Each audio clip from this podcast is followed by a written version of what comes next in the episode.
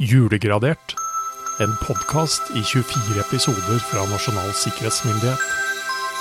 Om jul, sikkerhet og mye mer.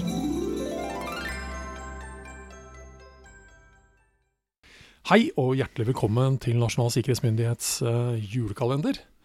Jeg sitter her sammen med Jørgen jeg, i vårt lille, tette, hemmelige julestudio. Her har vi sittet noen dager nå, Jørgen. Ja, eh, Vi er på dag 15. vi er på dag 15. Det begynner å lukte at vi har vært her en stund. Det er jo ikke svære rommet, så det er jo Ja, kanskje det ikke så beste meste forsvinner med litt god furunål eh, og, og litt ordentlig rengjøring, så går dette bra. Ja, vet du, ja da, ja. Ja da. Det lukter vel mer julebakst her, Det lukter betydelig mer julebakst enn mye annet. Men vi har kommet til uh, torsdag 15. desember. Ja. Og da går vi vel egentlig bare rett på Vi går rett på. Det er lukeåpning. De sitter i år, disse lukene. Her er det følgende. Tiltak 222. Bygg IKT-systemet med IKT-produkter som fungerer godt sammen sikkerhetsmessig. Ja.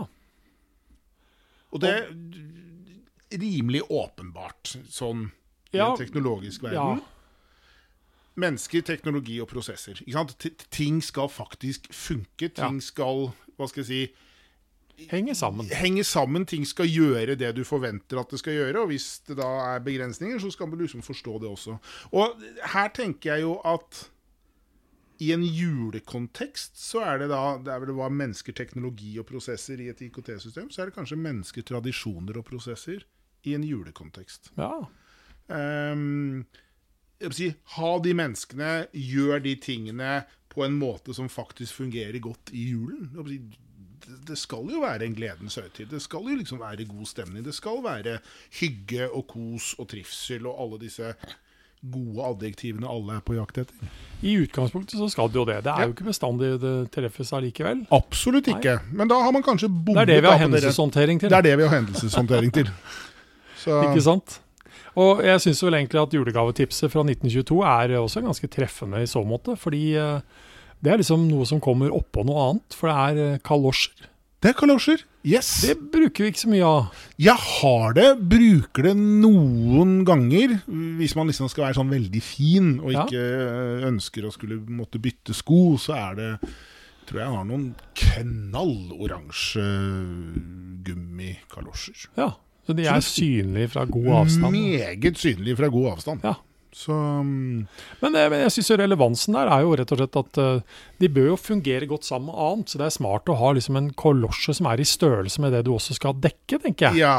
Så har du for små kalosjer, så, så, Så, går det ikke. Ja, og Nei. har du for store, så kommer det også til å gå det gærent på glatta. Så det er et eller annet med dette. Det, en- Det, det jeg la merke til i denne annonsen, fra Grensens skotøymagasin, som vel fins den dag i dag, er at inni, inni annonsen så finner jeg ordet 'slippers'. Slippers. Ja. Jeg tenkte at det var noe nymotens greier, men beviselig. 1922.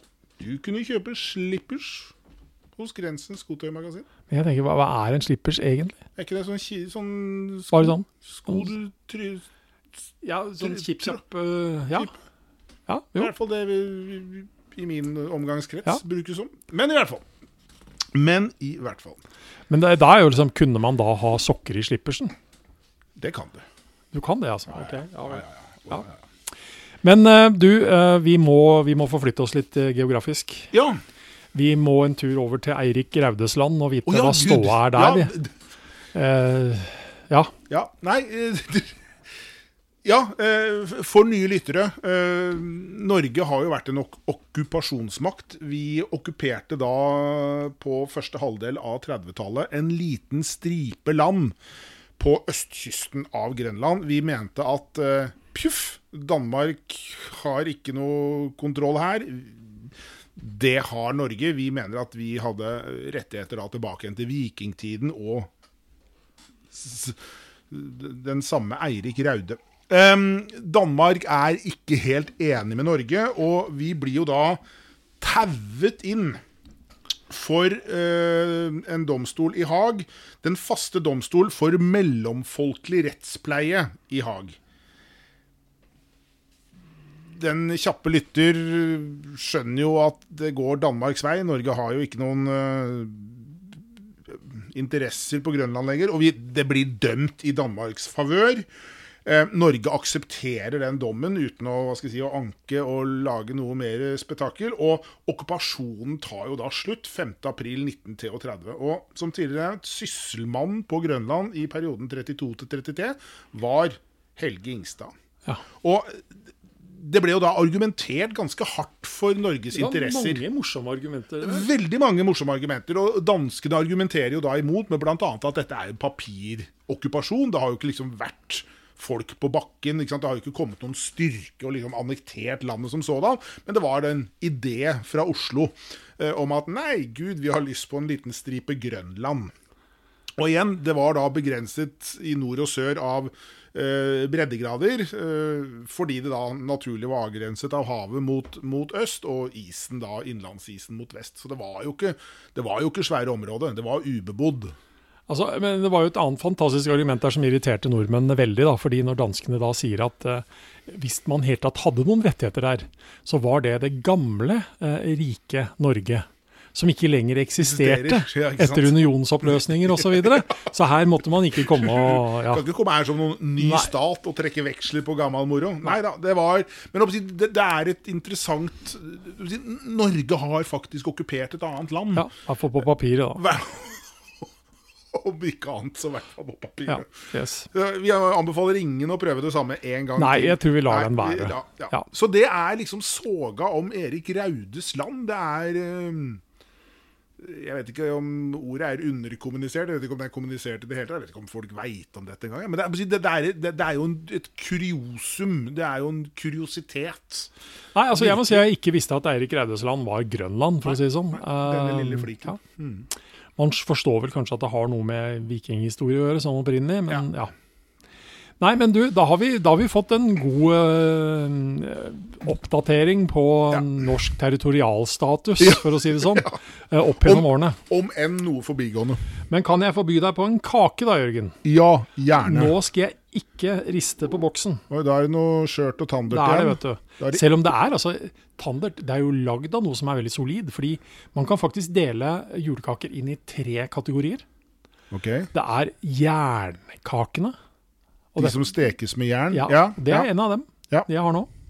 Og så er det da smultkakene, de som da stekes i smult. Mm. Og så har vi gjærbaksten.